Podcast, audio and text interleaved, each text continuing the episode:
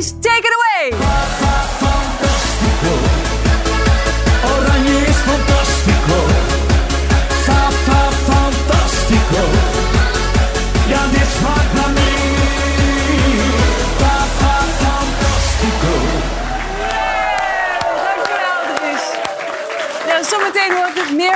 de laatste nieuwtjes rondom het WK. Politiek verslaggever Sam Haag zit lekker, hè? zijn binnen. We zijn binnen, maar we zijn door. Dus dat moeten we gewoon vieren. Daar staan we gewoon bij Zeker. stil.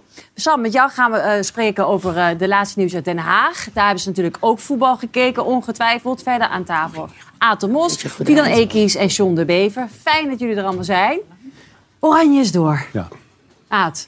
Ik zat even naar de collega's te kijken. Hè? Mm. En dan is zo'n persconferentie en dan zit iedereen na te praten. En dan is meteen de stemming gaat meteen zo, zakt zo weg. Iedereen is super kritisch. Ja, nou ja, ik zeg altijd dat het, eh, het WK begint in december. Dat betekent dus dat we de, de knock-out fase gaan krijgen.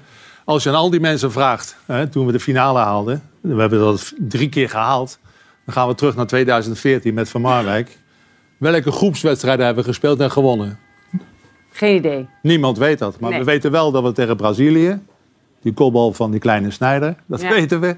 We weten dat Uruguay, die, die bal van, eh, van Broncos in de kruising... en dat voetje van eh Robben met die eh Casillas. Dat Ja. weten we allemaal. Dus nu gaat het eigenlijk pas beginnen. Dus laten we blij zijn Toch? dat we zover zijn. En natuurlijk is het voetbal niet geweldig. Maar soms speel je een aantal slechte wedstrijden... om dadelijk goed te spelen in de, in de knock-out fase. Ik geloof daar wel in. Ik vond ik ook heel grappig, want jij zat hier vanavond zat jij, eh, te Ja. kijken de wedstrijd. En toen eh, waren de redacteuren waren helemaal onder de indruk. Want jij het een, op een of andere manier ben jij een beetje het orakel. Want jij, iedereen staat onderuit gezakt, zo half een beetje te kijken. En jij zei 30 seconden voordat de goal viel, zei jij... Die goal gaat zo vallen. En niemand had het nog door. En Dat toen kwam viel... omdat wij met vertraging Ja, kregen. nee, nee, nee, nee. nee, nee, We nee. hoorden verderop hoorden we Hij is- vallen. Dat zijn Nee. die valse politiekers weer. die willen jij- altijd scoren over de rug van een ander. Maar jij zag Hij zou een echte politicus. Hij zag Hij aan is het verslaggever. Maar maakt niet uit, vriend. Is. Maar Aad, hoe kan Ja. dat? Ja, dat zie je dus aan de... Nou ja, dat is, eh, dat is de game, hè. Dat zeggen ze in Engeland. De game kunnen lezen, het aanvoelen. Wanneer moet je wisselen, wanneer moet je eh, wat veranderen. Eh, dus, dus als je zo lang in, in het vak zit... hè, dan mag je wel verlangen dat iemand er een beetje kijk op heeft. Anders had ik hier ook niet. Nee, maar ze waren echt helemaal, ze waren echt helemaal verbluft. Eh, je voelt dat aan. En, eh, Ja. nou ja, Maar Aad, denk je echt dat het wat gaat worden nu, hier na de groepsfase? Ja. Want het Ja, spel is zeker. toch echt Zeker. helemaal niks. Maar Zeker. dit gevoel houden we vast. Oh, zeker. Ja, We gaan mogen niet meteen, doorpraten. Nee, we gaan zo meteen analyseren. Maar ik wil Ah, oké. echt eerst even naar Thijs. Want Thijs staat in Nieuwegein. Eh Thijs, waarom ben je daar op die plek? Gezellig. Ziet goedenavond, eh, Leonie. Goedenavond, mensen. Ik sta op een hele bijzondere plek. Ik sta in de skybox van FC Utrecht. De bar. Ik denk dat Dries hem fantastico vindt. En die bar die staat in Nieuwegein in de tuin van Mariska en Mario. Mario steekt er even een bommetje af. De sfeer die zit er gewoon nog goed in. Oh nee. Want we houden het wel gewoon... Hier. Oeh, gezellig. Eh, de, wedstrijd, de wedstrijd begon een klein beetje tammetjes natuurlijk. Het lag aan, enigszins, aan, enigszins aan de kou. Het lag aan dat mensen nog moesten werken en dat er niet zo goed gevoetbald eh, werd. Maar die sfeer die begon snel in te komen. Mario stak het vuurtje aan, de goals vielen en iedereen ging los. Gakpo, Gakpo.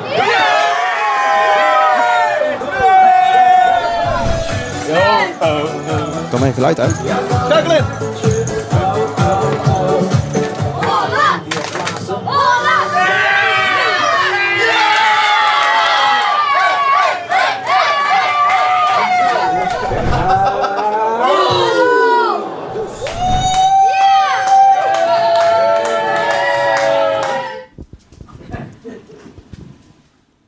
Ja, Waar komt die oranje liefde vandaan, eh, Mario?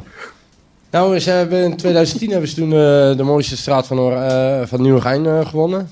En die jongens eh, die zijn allemaal het huis uitgegaan. Dus eh, wij hebben het stokje overgenomen. En eh, vorig jaar zijn we derde van heel Nederland geworden. Dus eh, ja, elk jaar probeer je steeds weer extra je best te doen om eh, nog beter te worden. Je hebt de buren niet hier kunnen houden, maar dat komt misschien door het vuurwerk. Eh, jullie hebben een oranje hartje, maar jullie hebben ook een gouden hartje. Deze bar die staat hier niet zomaar. Mariska? Nee, dat klopt. Ik heb eh, in 2020 heb ik mijn nier gedoneerd aan een eh medisch supporter van FC Utrecht en een vriend van Mario. Ja, hoe mooi is dat? Misschien wel het mooiste cadeau dat je een medemens kan geven. En je, hebt, je spoort niet alleen de club, maar ook elkaar dus. Ja, klopt. Zeker weten. En eh, hij is inmiddels vader geworden en eh, hij kan en doet alles weer. Ja, helemaal geweldig. Maar, en, en wat, wat voor gevoel gaf jou dit? Ja, geweldig dat ik dit voor iemand kan doen.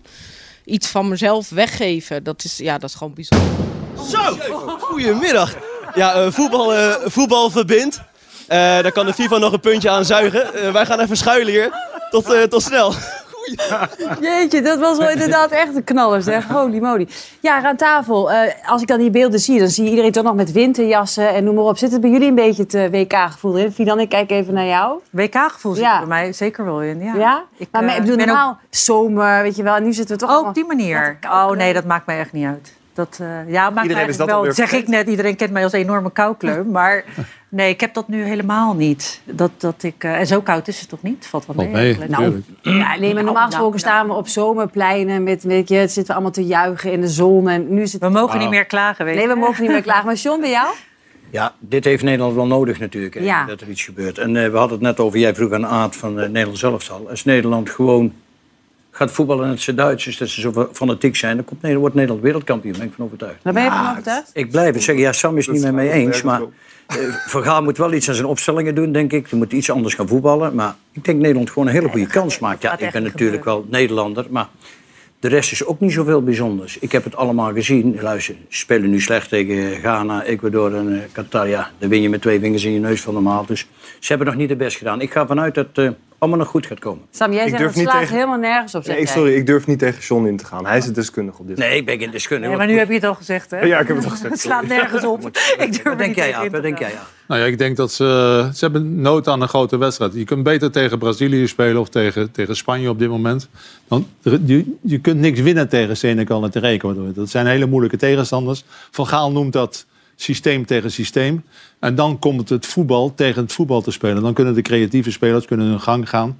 En dan krijg je een slag op het middenveld. En, en dan is het ook allemaal makkelijker voor de Ik denk spelers. de motivatie tegen goede tegenstanders ook. De, de Ja, ja, ja. motivatie En als jij veel aan de bal bent in die kleine wedstrijden, dat is heel vervelend, maak je ook heel veel fouten. Je speelt tegen, tegen twee, eh, twee bussen geparkeerd. Ja. En als je tegen de, de Spanjaarden speelt, dan kom je in evenwicht. Dan ben je 50% balbezit, balverlies.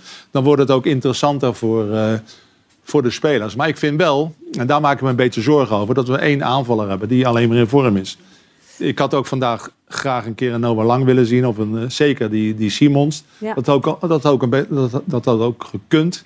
En ik begrijp ook niet waarom hij dat niet doet, Louis. Gaan we het zo over hebben, Aad. We gaan even live naar Qatar, want daar staat Noah voor ons klaar. Noah, we zijn eh, groepshoofd geworden. Is dat belangrijk voor Oranje? Nou ja, dat was in ieder geval het eh, doel van Oranje, groepswinnaar worden. En eerlijk gezegd, in een pool met Ecuador, Senegal en eh, Qatar is dat natuurlijk ook wel logisch dat Oranje dan groepswinnaar wordt. Dat is in ieder geval één doel wat is bereikt. Maar goed, ik snap ook wel dat we een beetje kritisch zijn. Want voetballend gezien waren het natuurlijk niet de beste drie wedstrijden onder Louis van Gaal. In balbezit moet het beter, dat is ook wat de bondscoach vertelt. Dus ik ben benieuwd of dat eh, de komende dagen gaat veranderen. Want ja, nu gaat het inderdaad voor het echi, want de knock-outfase staat voor de deur. Ja, wanneer is de volgende wedstrijd en tegen wie moeten wij, denk jij? Nou, de volgende wedstrijd voor Nederland is in ieder geval aanstaande zaterdag om 4 uur Nederlandse tijd. Ja, wij moeten dan eh, tegen de nummer 2 uit Pool B. Die wedstrijden worden vanavond om eh, 8 uur Nederlandse tijd gespeeld. Momenteel staat Iran op de tweede plek, maar iedereen kan daar nog eindigen. Dus het zou Engeland, Iran, Wales of Amerika kunnen zijn. Dus eh, kies maar eh, wie jullie het liefste willen. Dat gaan we hier bespreken aan tafel. Dankjewel, Noah. Spreek je later. Ja, Dries, er is natuurlijk veel meer aan de hand in Qatar. Voor jou, van jou uit even wat hoogtepunten van vandaag. Ja, nou, het mag allemaal nog wat sprankelender. Maar we hebben het toch geflikt. We zitten dus nu in, in die knock-out fase. En dat komt natuurlijk mede door onze oranje fans hier in Nederland. Ook in Qatar. Maar ook in Indonesië. Want we hebben namelijk heel veel eh, oranje fans in Indonesië. Omdat het land dus zelf niet echt goed is in voetballen. Kiezen ze altijd een land om voor te juichen. En dat ze fanatiek zijn, nou dat zien we hier wel. Ja, en dan eh, een oud pupil van jou, Aad. Ronaldo, de oud PSV-ster. Die is nog steeds een legende. En zijn kapsel uit 2002, dat is momenteel nog steeds heel erg populair. Vooral onder de jeugd. So you want it like Ronaldo's? Mm-hmm. Okay. You gotta go bald.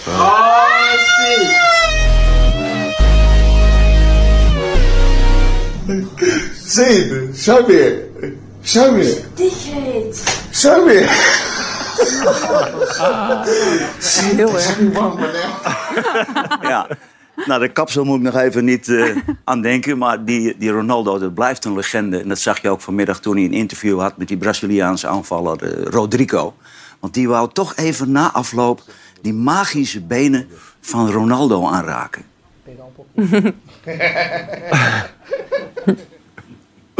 Ongelooflijk is je dik geworden, zeg. Zo, hé. Ja, Ja. De magie van de benen van Ronaldo. Ja, hij is wel iets, iets, wel iets aangekomen, hè? Ja, iets. John, ja. Om het, ja, jij hebt met hem gewerkt, hè? Ja, nou ja, ik, ik heb hem eh, afgelopen zomer nog ontmoet in, eh, in Ibiza. Er is geen lievere jongen dan Ronaldo. En ik moet ook zeggen, eh, weinig mensen weten dat. Hij heeft een stofwisseling. Oh god, jeetje. Dus vandaar dat hij eh, zo waar? makkelijk aankomt. Oh, Als hij het ik- eten al ziet op zijn dan heb ik tafel, dan, Dan eh, is hij al aangekomen. Jeetje. Maar het is een fantastische kerel. En eh, een van de beste, zeg maar, na Johan Cruijff was hij de beste speler die ik onder mijn moeder heb gehad. En een hele lieve jongen, zeg jij? Geweldige vent. Ja? Ja, fantastische kerel. Dus, eh, het was toen nog in de, in de coronaperiode dat ik hem daar ontmoette. En eh, met zijn mondkapje ook op. Dan, ik- iemand die maakte mij attent. En eh, daarna, ja, iedereen wilde natuurlijk een handtekening. Ze stonden in de rij met kinderen. En hij bleef op zijn gemakje in de hit. Heeft hij die handtekeningen uitgedeeld. Dus dat zijn vaak de allergrootste die het meest sympathiek zijn Ja. in het voetbal. Dries? Ja. En de populariteit van onze bondscoach Van Gaal... die kent helemaal geen grenzen meer. Maar er is nog een echt puur Hollands product. En dat, is, dat doet het wel zo goed in Qatar. En je gelooft het niet, maar dat zijn de oer-Hollandse poffertjes. And why are the poffertjes so great? Oh, it's unique. I don't know. It's, it's a different touch, I guess. Do you like poffertjes? Of course, I like poffertjes. It's very tasty. As long you will go and walk, you will find two or three like this. This is very healthy, healthy food. Very healthy food. Ja, Leonie, en dat brengt mij op het idee... want jij weet dat misschien niet... maar mijn ballen zijn enorm populair. Is dat zo? Elke woensdag maak ik gehaktballen. Die zet ik op Facebook, op Instagram. Ik krijg er heel veel leuke reacties op.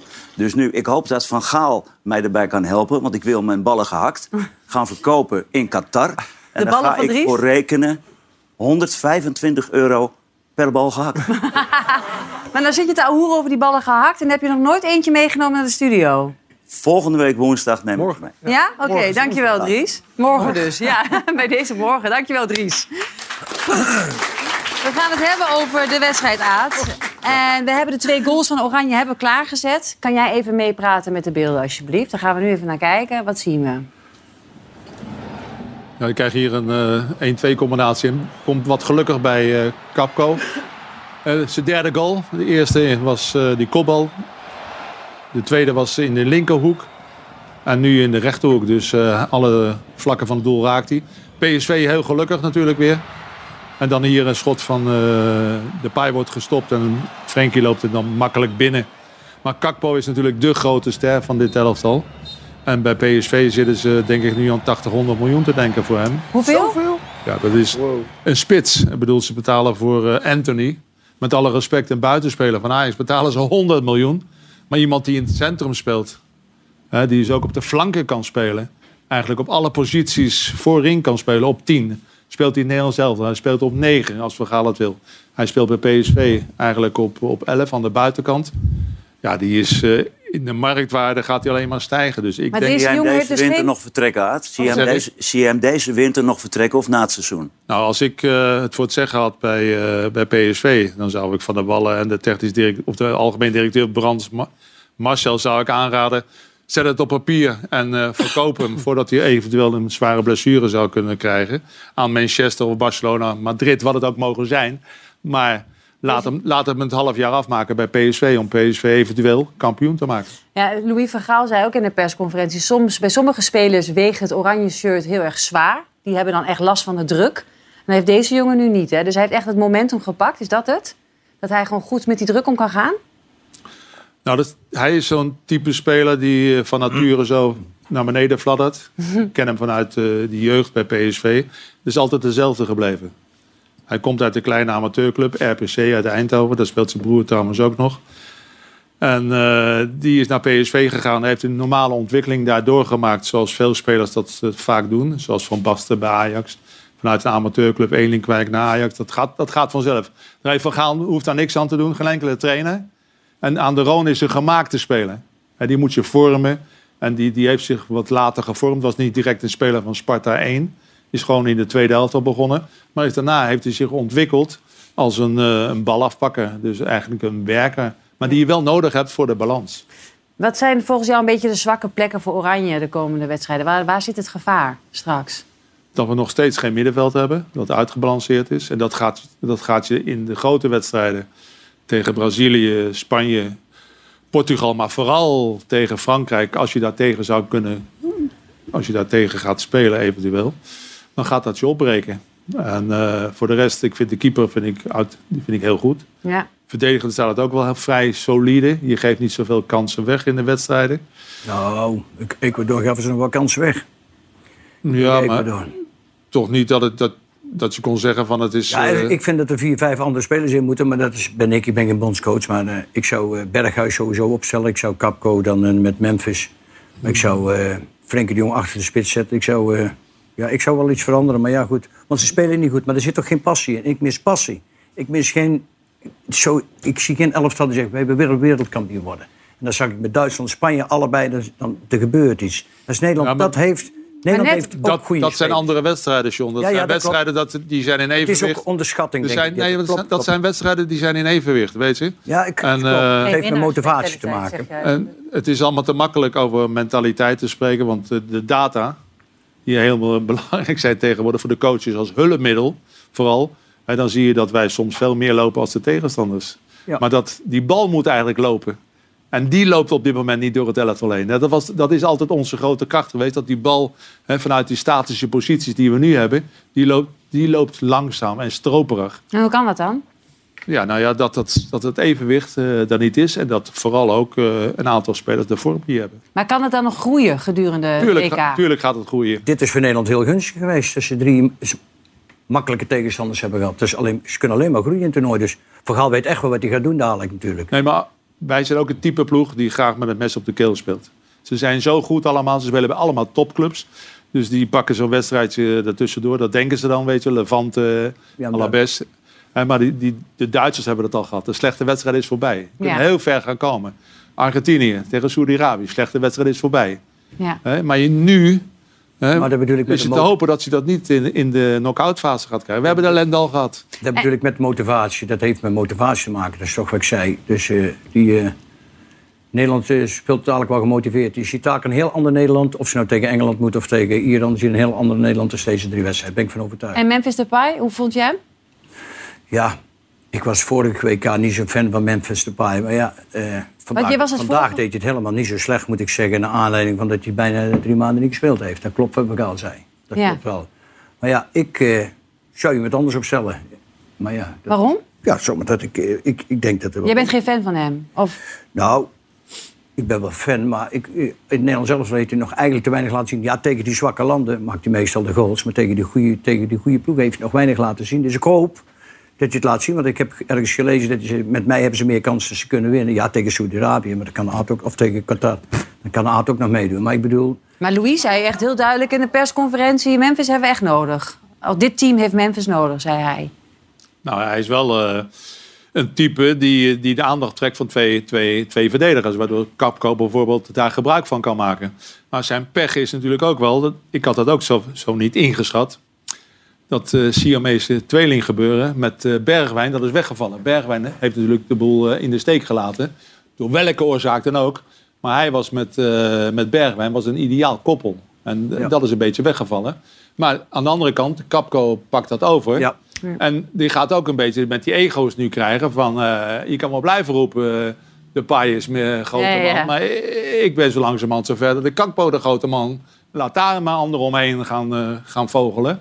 En misschien is dat wel Noah Lange, is dat wel eh, Simons. maar ik, hoop zou- dat wij ongelijk hebben. Dat Memphis de volgende week twee, zaterdag 2 maakt. Ik hoop het, ik mag het hopen. Ja. Ik, ik hoop dat Nederland wereldkampioen wordt, natuurlijk. Daar ben Nederlander voor. Maar, ja, Maar je kan niet blijven wachten natuurlijk. Nee, dat klopt. Ik kan niet bij blijven Je moet wel een keer. Het is, Ik vind nu, ook raar het is dat- nu of nooit. Dit doen we daar, je wedstrijden. Van? Gaal Weg- Weghorst erin zetten en Jansen erin zetten. Ene speelt bij, eh, Galatasaray, Fenerbahce of weet ik het. Besiktas. Oh, nou, daar zat ik bijna Maar denk je dit dat, we- dat we allemaal wat positiever worden na een wedstrijd? Want ik bedoel, de, de sfeer kakt nee, echt behoorlijk in na zo'n Daar wedstrijd. stond ook, hè. Daar, de sfeer was er ook een beetje weg. Nee, maar dat is typisch Nederlands. Ja, wij zijn ook verwend natuurlijk. wou Wij- net zeggen, dat is echt dachten- heel Nederlands. Typisch Nederlands, 74 kan ik me herinneren. Ik heb al die wedstrijden gezien, live, in, in, in, in Duitsland. We, we, we openden tegen Uruguay, 2-0. met Johnny Repp en Johan Cruijff, alle grote jongens. Dries. Hè? We spelen tegen Zweden. We werden afgebrand, Michels, Cruijff, Neeskens, Krol. 0-0 tegen Zweden. En, en, en wat werd het? Het beste oranje wat we ooit in van ons leven gezien hebben. Aad hebben we gewoon nodig om optimistisch Ja. te worden. Ja. Ja, maar ik ben hier wel heel blij mee, Aad. Ja, maar het is zo. Sam, hoe keek jij daarna? Ik, ik heb helemaal geen verstand van voetbal. Wel. Hou op, Sam. Heb jij geen ik wel van mening? politiek hoor.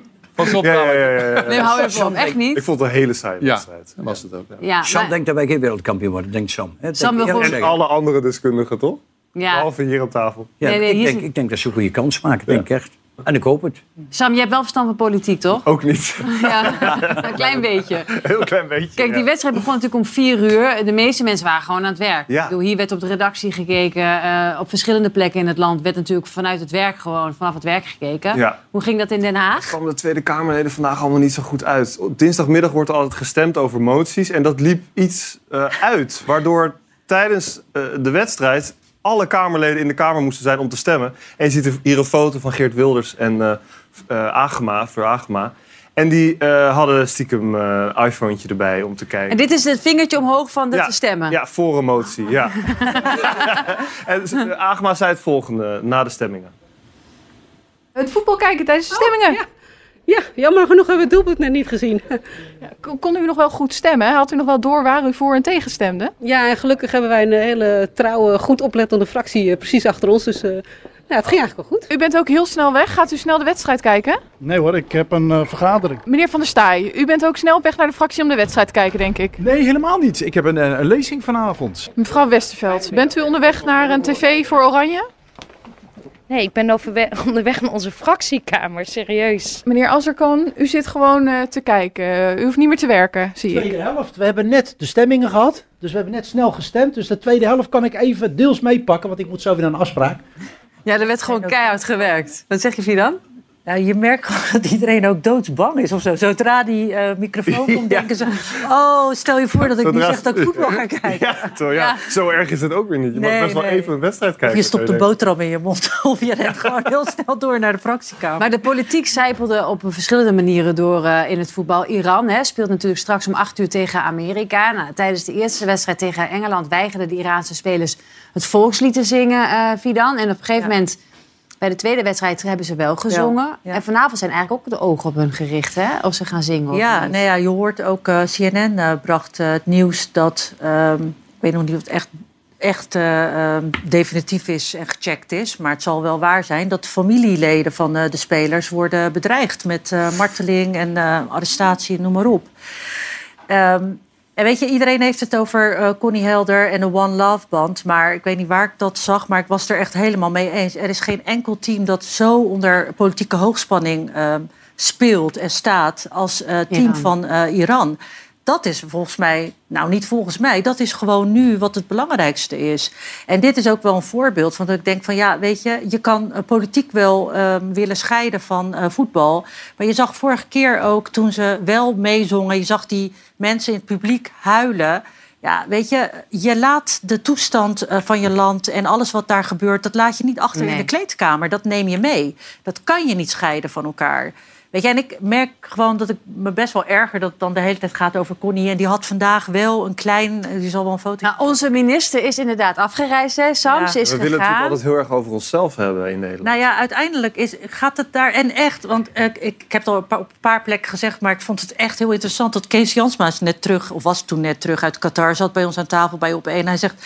Niemand heeft het over Nederland. Nobody cares. En als, Ja. als je die arbeidsmigranten daar spreekt, zeggen ze: Ja, weet je, sorry, maar ik heb het hier nu beter dan in India of zo. Ik bedoel, daar valt natuurlijk wel wat over te zeggen. Maar dat, dat, die navelstaarderij hier in landje. Nederland. Nee, maar echt serieus. Ik, Maar wat vind je dan? Want ze, ze, heeft niet de One Love band omgedaan. Haar collega-minister, de Duitse mevrouw, natuurlijk wel. ze heeft gezegd, ik doe een speltje om. Ja, kun jij het speltje zien? Nou, ik heb gevraagd aan de regie. Kunnen we heel even kijken, het speltje iets dichterbij nog? Een microscoop misschien? Iets dichterbij? Kunnen we even... Nee, ik zie nog steeds niet. Nog iets dichterbij. Kunnen we hem zien? Nog iets dichterbij. Eh, ja, dit is volgens mij haar statement. Wat een statement. Nee, maar weet je, los van of dit nou een vlag was voor, hè, een band was geweest of een vlag was geweest of wat dan ook. eh, Duitsland doet dit ook. Maar de Duitse regering heeft net een gascontract afgesloten met Ja. eh, Qatar.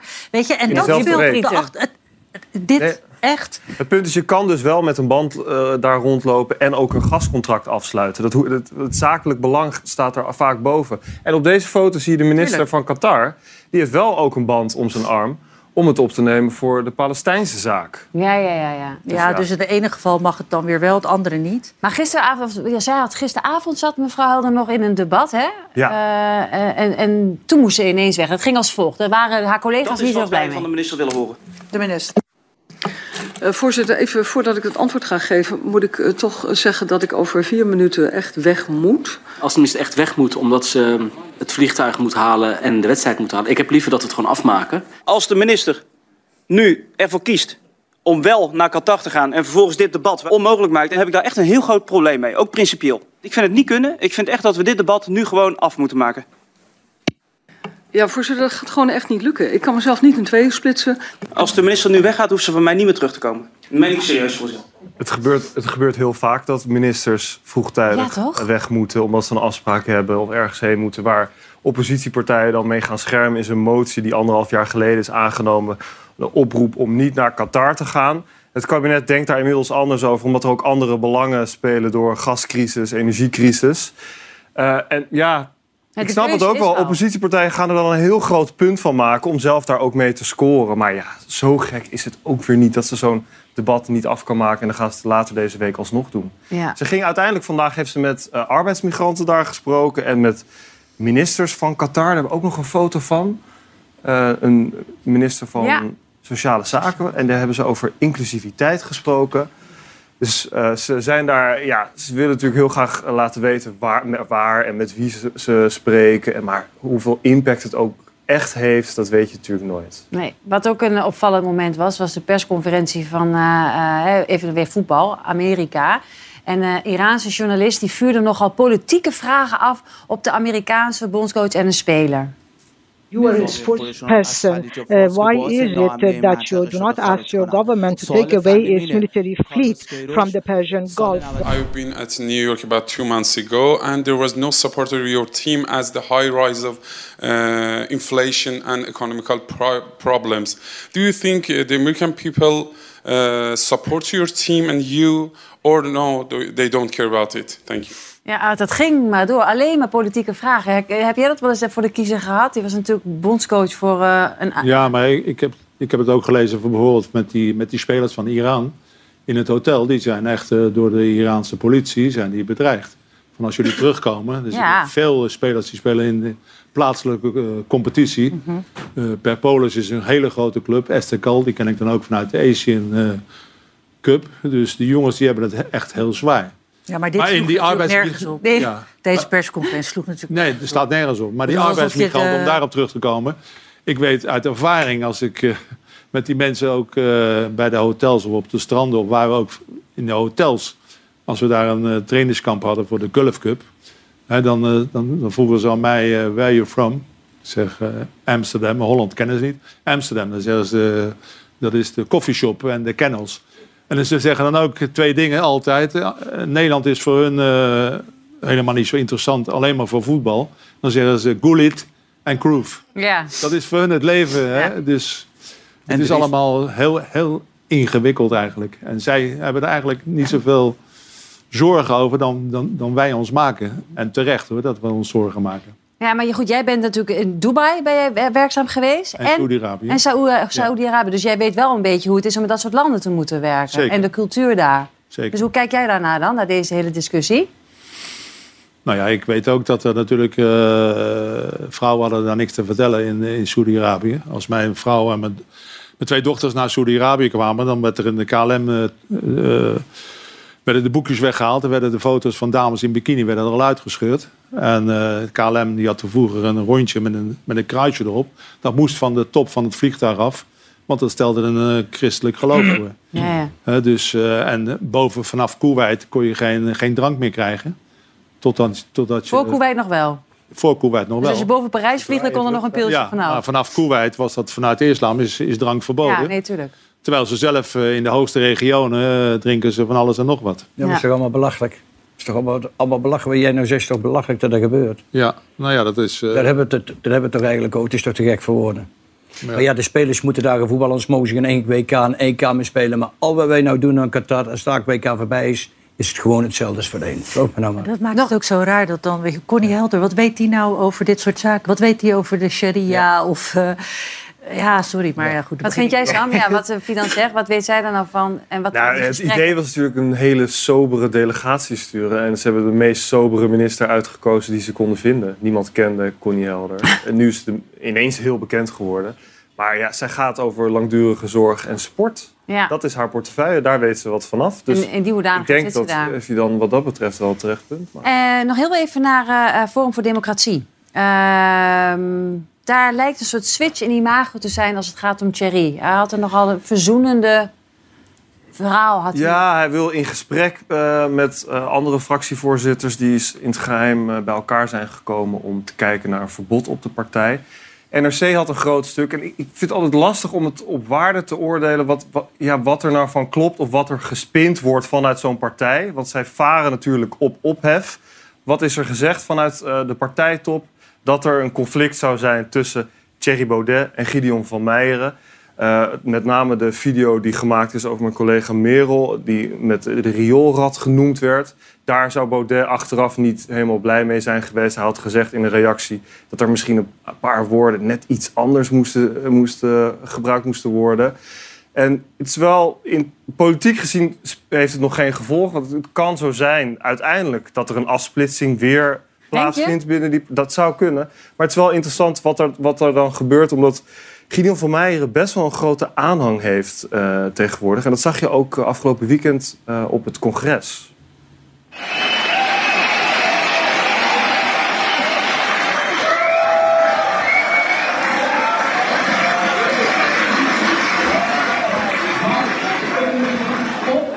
Staande ovatie, hè? Heel enthousiast, ja. En wat, maar wat vermoed jij dan, man? Want is, het dan, is Thierry dan misschien bang voor zijn eigen ehm, populariteit en positie binnen de partij, denk jij? Ja, dat, zou het- kunnen. Maar als Gideon van Meijeren, die wordt steeds groter en steeds belangrijker. Dus het zou kunnen dat dat, dat, dat een splitsing oplevert uiteindelijk. Maar het blijft altijd heel moeilijk om te bepalen wat ze ermee bedoelen en wat er echt achter zit. Omdat, omdat ze dus zoveel mogelijk ophef willen creëren. Maar, verkiezingen die eraan komen. Maar een Ja. verzoenende taal van Thierry, hoe heb jij daarnaar gekeken als politiek verslaggever? Tenminste, de dingen die hij zei. Heeft jou dat verbaasd? Mm, ja, het kwam op zich wel, eh, het was op zich wel verrassend. Maar inhoudelijk is het ook weer niet heel verrassend. Want het, het is al langer, is, er is al langer inhoudelijk iets gaande. Dat bijvoorbeeld Thierry Baudet ze- openlijk zegt dat hij fan is van eh, Poetin. En als je dat dan in de Kamer aan Gideon van Meijeren vraagt, zegt hij: Ik ben absoluut geen fan eh, van Poetin. Dus daar zit wel een verschil in. En op zich is er natuurlijk altijd wel discussie binnen een partij. Ja. Maar ze liggen dus niet meer op één, lijn, op één lijn. Maar die zogenaamd gematigde toon van Baudet... hij kon toch elke dag in de afgelopen periode wel afstand doen... van uitspraken die door eh, Gideon van Meijeren werd geroepen. Ja. Waarom wacht je dan tot een congres om je gema zogenaamd gematigder op te stellen? Heeft dat dan met die concurrentie te maken tussen die twee? Of jaloezie zou er zijn? Of die verkiezingen? Of inderdaad Het kan allemaal die... eh, wat, wat hoor je dan in, in de wandelgangen? Weet je wel? Is het... Ja, Sam, waar, als jij je oor te luisteren legt, wat hoor jij dan? Ik moet zeggen, eh Forum voor Democratie heeft niet mijn volledige focus. Oh. Omdat het gewoon qua politiek gevolgen... Ze, ze zijn uiteindelijk een klein, sp- spelen een kleine rol daar in Den Haag. Ja. Ik ben niet continu bezig met wat er binnen Forum speelt. Hey, Fidan, luister, jij, teleurgesteld. jij, hebt, je hebt een zoontje, hè? Eh, Volgens mij hebben wij even oude kinderen ongeveer. Ehm, toen hij klein was, deed je eens, gebruikte jij wel eens van die hele hoge stemmetjes? Nee, my god, ik las dat. En ik vind was dat... een heel artikel vandaag in de Ja. Volkskrant over met kleine stemmetjes met je kind praten, met je kleinkind, met babytjes. En dan, hallo lieve baby, hoe gaat het met jou? Ja, ik doe het wel. Ik doe het, nee, maar ik doe het alleen als ze heel Oh. Ik klein wou net zijn. zeggen, alle moeders die dat doen moeten opgesloten Ja. worden. nee, maar je doet het toch automatisch als je zo'n hummeltje ziet. Dat je iets met je stem omhoog gaat. Omdat Ja, je... ik doe dat tegen mijn honden. Je doet meer, ik doe het ook met de hond. Ja, ik doe het met de kat. Doe Maar ik wel. het heeft Ja. namelijk wel effect. Hè? Het is effectief. Eh, het schijnt dat kinderen daardoor, vooral baby's, dus meer dingen opslaan. Dus als je, doe jij het, Sam? Want jij Ik schreeuw alleen maar naar mijn kinderen. Werkt dat ook? Maar hoe oud zijn die van jou? 1 en 3. Eén nog heel klein. En jij, Aad, je hebt kleinkinderen. Ja, ja, drie stuks. Ik zie jou ook nog wel met een piepstemmetje. Nou, totaal niet. hè. Nee. Dat doen die luistermoeders bij school altijd. hè. Dat doen die luistermoeders. Nou, er is dat piepstemmetje, maar ook dat eh, langzaam praten. Ik ken heel veel moeders die dat ook doen. Hè? Die gaan dan op deze manier uitleggen. En die doen dat echt totdat het kind gewoon 15 is. Op een gegeven moment praten ze nog steeds op die manier. En een kind gaat het dan ook overnemen. Ja, ik vind dat zo tegen. Maar het, is, het onderzoek is gebleken dus dat het wel werkt. En deze oma eh, wist al lang hoe ze het beste kan praten met haar kleinkind aan de telefoon. Ja! Hoi! Dan gaan we eruit. Och, vakantie? Oh ja? Ja, doe maar telefoon even aan mama nou. Doe maar mama. Els? El ja. Oh, dan nou weer naar school. Els, Els, Els. Ja. Doe maar telefoon nou aan mama geven. Ja, zoiets dus. Straks. Je eh, moet snel leren facetimen. Ja, goed, hè? Kinderen Ja. kunnen praten, dat is beter. De Nationaal Coördinator Terrorismebestrijding en Veiligheid vindt dat we een noodpakket in huis moeten hebben. Wie aan tafel heeft dit en wat zit er eigenlijk in zo'n pakket? Tot zo.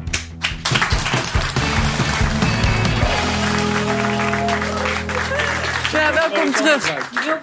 Fidan wil heel graag een M. Geef Fidan maar, een lekker Ja, M&M'tje. ik had- Maar, Nee, nou wil ik het niet meer. Ik heb wel stukken Maar nee, maar je mag ze niet eten. Er Maar waarom niet dan? We hebben ze John er ingespoten. Nee. Met haarlak. En ik heb er een vijf op. Hij heeft de hele pot op. Da- ik heb er een vijf op. Daar, om daar een plakken Well, zo. that explains. Ik zet plak op. John, Ik heb er vijf op, maar die plakken allemaal zo. Ik denk, waarom plakken ze ook zo met John de haarlak? Bever, je mag de M&M's in de studio niet eten, want ze zijn allemaal ingespoten met haarlak. Nou, dan heb ik... Dat hebben ze jou dus... Ik heb er al vijf op, serieus. Ja, Sorry. Maar goed, Sorry. weet je wat vandaag ook nog even iets heel, iets heel opmerkelijks? Ik zei het nog, Vandaag in de Volkskrant, hebben jullie het al meegekregen? Schurft is terug. Dat heeft John nu. Ja, dat moet. Heeft één van jullie dat wel eens gehad hier aan tafel? Ook helder. Gelukkig Schurft? Gelukkig niet. Weten jullie wat het is? Hoe dat, Nee, ik heb het net boven, eh, is het me verteld. Dat is echt heel, heel vies. Kleine beestjes, lijken op spinnetjes. En die leggen eitjes. En dat gaat heel erg jeuken. En dat, dit zijn ze. Dit kriebelt dan vooral s'nachts heel erg. En ze maken Mocht- tunnels, hoorde ik. Ja, en het is dus zo... En dus vooral onder jongvolwassenen is het nu deze maand naar een El, recordhoogte gestegen. Ja, ja, dus het is echt niet... eh, heb jij het wel eens gehad, eh, Dries? Alsjeblieft, nee. Nee?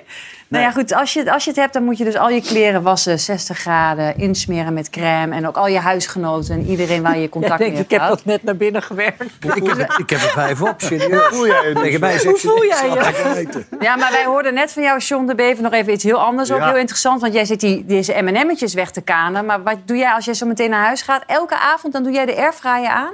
Ja, tuurlijk, dat is toch lekker. Er zijn er twee frikandellen, een zak chips en nog een Magnum. Ja, Magnum doe ik elke dag, ja. Elke dag? Op de late avond. Ja, dan ik dus... dus... televisie zitten kijken. Dat is meestal naar het zingen. Dus, maar ik zet elke dag even naar aan. Ja. En hoe kan het dan dat je dan nog dit, tegen- dat je er zo uit? Je ja, mijn stofwisseling is denk ik. maar dan de andere kant. Ja, ja, ja. Of het is een schurft. We hebben het even over, ja, maar over, als je schurft hebt, en we hadden het er vanmiddag over. Maar soms is het gewoon maar één oplossing als je jeuk hebt. Dan moet je gewoon lekker krabben waar je jeuk hebt. Phenomena. Phenomena. Phenomena. Phenomena. Phenomena.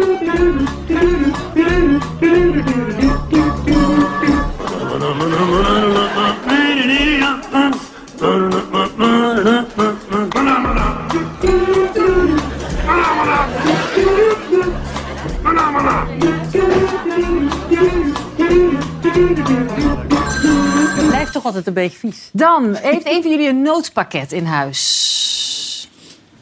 Nee? Maar iedereen heeft het wel zo goed als, hè? Waarom? Hoezo? In het het noodpakket moet- zitten dan eh, vaccinelichtjes, een E EHBO-doos, dat heeft Mhm. iedereen wel. Eh, batterijen.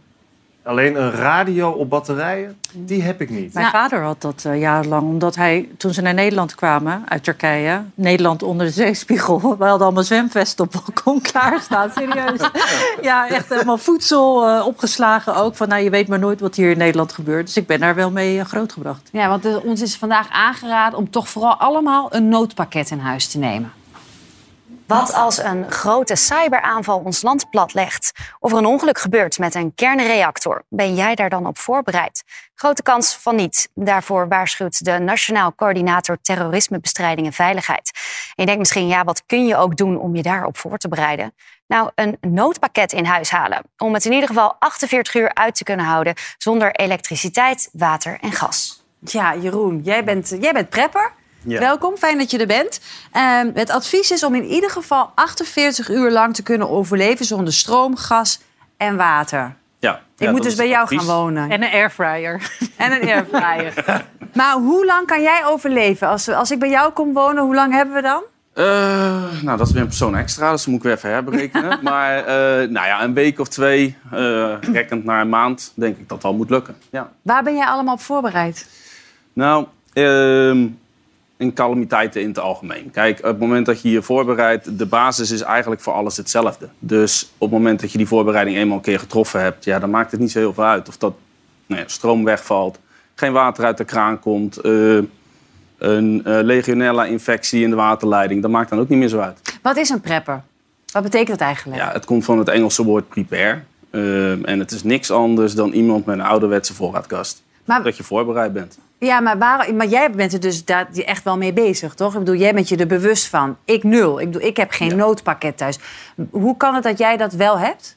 Wat heeft er bij jou getriggerd? Nou ja, ook wel mijn, eh, mijn opvoeding. Eh, mijn familie komt uit Rotterdam-Zuid. Die hebben de hongerwinter meegemaakt. Dus ik ken de verhalen van kinds af aan. Dat het ook anders kan zijn dan nou ja, hoe we het nu hebben. Ehm, nou, en op een gegeven moment woonde ik... Nou, ik woonde zelf ook in Rotterdam-Zuid toen weer eh, terug daar. Ehm, en toen hadden we een grote, lange stroomstoring. En toen liep ik dus ja, met mijn eh, pasgeboren zoontje op de arm. Eh, duurde langer dan nou ja, gepland en gewild. En de, eh, ja, de vers gekolfde melk uit de vriezer begon letterlijk te ontdooien. En dan realiseer je wel, ja, maar ik, ja, ik ben niet alleen maar verantwoordelijk voor mezelf. Ik heb nu ook zo'n kleine koot om voor te zorgen. Eh, want tot die tijd had ik eigenlijk altijd zoiets van... ja, ik ben altijd wel van het eh, kamperen geweest... dus de basis had ik wel in huis. Ja. Dat was eigenlijk de aanleiding waarvan ik dacht... nou, misschien moet ik daar iets langer over nadenken. Wat, wat is het, zeg maar, het meest nou ja, plausibele scenario wat wij kunnen verwachten volgens jou? Waar wij mee rekening kunnen houden? Nou, ik denk dat het meest impactvolle eh, toch wel gewoon het wegvallen van stroom is. En of dat dan komt door een, een cyberaanval of door netwerken die overbelast zijn... Ja, dat maakt niet zo heel veel uit. De oorzaak maakt uiteindelijk niet zoveel uit. Maar ja, dat is toch wel hetgene waar we ongelooflijk afhankelijk van zijn geworden. Denk jij dan dat dat... Wat schat jij in, de gemiddelde Nederlander? Hoe lang zou ik het dan vol, volhouden? Hè? Jij, je kent mij natuurlijk niet goed. Jij weet niet hoe mijn voorraadkast eruit ziet. Nee. Maar hoe- ik, stel dat ik dat niet zo goed op voorbereid ben, dan zeg jij... Hoe, hoe snel raak ik in paniek, zou jij denken? Gelijk. Nou, denk je De, gelijk? de paniek zal wel meevallen. In eerste instantie is het, oh, dat komt in een uurtje wel weer terug. Ik bedoel, nou, ja, dat zijn we ook gewend. Ga ik ook vanuit. Ik bedoel, als er nu een stroomstoring is, ik verwacht niet dat dat eh Nee, een tuurlijk. keer Dan denk dagen je, gaat ja. duren. Nee, dan ga je even kijken, maar dan kan je online kan je niet kijken. Daar begint de ellende al. Mm, nee, maar het, telefoonnetwerk doet het nog. Ja. De telefoonmasten die draaien nog een paar uur door. Voordat het, eh, die hebben ook accu's intern zitten, zeg maar. Ehm, Heb jij ook veel toiletpapier in huis? ik, heb, ik, heb, eh, ik heb daar heel erg om moeten lachen. Al die mensen die inderdaad toiletpapier gingen hamsteren eh, met corona. Eh, ja, heel pragmatisch misschien. Maar ik denk, ja, je kan het ook wassen. Maar ja, precies, je kan Ja. het voor je billen Ik wassen. vind dat niet zo'n heel spannend eh, Maar artikel. Waarschijnlijk was jij heel lang uniek in je soort. Merk je niet dat het steeds populairder wordt om te gaan preppen? Dat steeds meer mensen zich bewust worden van het feit dat je het niet meer... Ja, dat je gewoon echt wel een noodpakket thuis moet hebben. Nou ja, dat, dat is inderdaad wel wat ik zie. Ik, eh, nou ja, ik, ik doe dit dus ook professioneel inmiddels al tien jaar. Ehm, ja, en in die jaren is het steeds meer geworden. En het zijn juist dit soort momenten waarop het onder de aandacht wordt gebracht... dat het toch voor een hoop mensen een trigger is om er wat mee te gaan doen. Ja, en dat is... Nou ja, in corona hebben we een enorme piek gezien. Ja, we zijn voor het eerst in Nederland geconfronteerd met tekorten. Dingen Ja. die je wilde halen in de supermarkt die er niet waren. Ehm, dat heeft heel veel mensen aan het eh, nadenken gezet. En gedacht van, nou goed, een voorraadje is misschien toch zo'n gek idee niet. Nou, de inval in Oekraïne natuurlijk. Ehm, ja, wij, zijn- wij zijn zelfs, eh, de showroom hebben we dicht moeten gooien. En we hebben allemaal en extra mensen aan moeten nemen om in te pakken. Want Gewoon omdat er echt wel een, een loop, stormloop is op dit soort pakketten. Wat zit er eigenlijk in? Ehm, Wat ja. is nou echt heel erg belangrijk om te hebben? Hakgroenten. M&M's. Hak. Hakgroenten, zeg Aad. Ja, een heel goed idee. Ja, zeker. En die zaklantaarn. Maar Kan je wat dingetjes uitpakken? Zeker. Die frikadellen van John. De frikandellen van John. Ehm, water. Ja. Het allerbelangrijkste. Eh, Zonder hou je het geen drie dagen vol. Maar dit is water gewoon in zo'n zak. Dit is eh, water wat inderdaad lang houdbaar in een eh, ja, folie verpakt zit. water. Maar dat is niet zoveel, dit. Dit is niet zoveel. Nee, nee. We hebben dan ook eh, in dit noodpakket zitten ook eh, watertabletten. Daarmee eh, kun je water zuiveren. Dit voeg je gewoon toe aan water. En dan kun je het daarna drinken. Dus wa ja, water is cruciaal. Absoluut. Dat is prioriteit nummer één. Oké. Altijd. Ehm, daarna, ik hoorde het jou ook inderdaad ook al zeggen. eh, een EHBO-set. Ja. En daarin heb je ook hartstikke gelijk. We hebben vaak van dit soort dingen al wel in huis. Alleen, denk er eens over na. Wat mis ik? Want water, extra water in huis, dat hebben we vaak niet zomaar. Ehm, eten, potjes hak kan. Maar we hebben ook bijvoorbeeld dit soort pakketten. Ehm, daar zitten een soort van ja, eh, zandkoekjes in. Eh, maar dit pakket is dus helemaal eh, geschikt, inclusief vitamine, mineralen. Alles wat je nodig hebt voor een hele dag. Oké. Ja, en zo hebben we nog meer eh, kleine dingen, zoals de kaarsen inderdaad. Ehm, Een kaars. de radio waar we het over gehad hebben. Dat, dat hoorde telefoon uitvalt. Voor, ja, nou ja, dit is de manier natuurlijk om op de hoogte te blijven... op het moment dat er geen internet is. Als de telefoon er niet meer is. Nee, maar Derksen nog nodig. Dries, zo even tot slot. Wat zou jij absoluut in je noodpakket mee willen nemen? Ik word er uh, bloednerveus van. want ik- Volgens mij ben ik niet goed voorbereid. Nee, maar wat zou jij meenemen als het echt moet? Ah, ja, water wist ik ook wel. Ik heb best wel wat houdbare dingen waar ik nu even aan denk. Ik heb een kleinzoon van eh één jaar. Of, of mijn zoon bijvoorbeeld wel voldoende van die babyvoeding heeft. Want als je opeens vier dagen zonder zit... Dan zie ik bij jou niet ertussen zitten. Maar dat is toch ook een ding? In de Kamer ging het vandaag ook over. De staatssecretaris van de Burger die zei... wat als er een hek is bij de banken en je kan niet meer pinnen... zorg Cash. dat je in ieder geval thuis ook wat cash hebt Ja. liggen. Ik heb Ja. helemaal niks van cash. Dus Jeroen, jij zegt gewoon neem het gewoon serieus en zorg er elk geval voor dat Aad je wel. allemaal een noodpakketje in Aad huis hebt. Om kerstvieren. eerste Van paar dagen gewoon goed door te komen. Ik vind dat we niet serieus nemen. Vind je? We doen er veel te lacherig over. Ja. We moeten veel serieus Nee, we moeten toch dan moeten serieus. Ik zou die frikandellen maar alvast klaar En de eervrije van John de Beven. Mag ik jullie danken voor de komst naar de studio. Morgen ben ik er weer, natuurlijk weer met Karen Bloemen en onder andere Rutger Kastricum. Bedankt voor het kijken en heel graag tot morgen.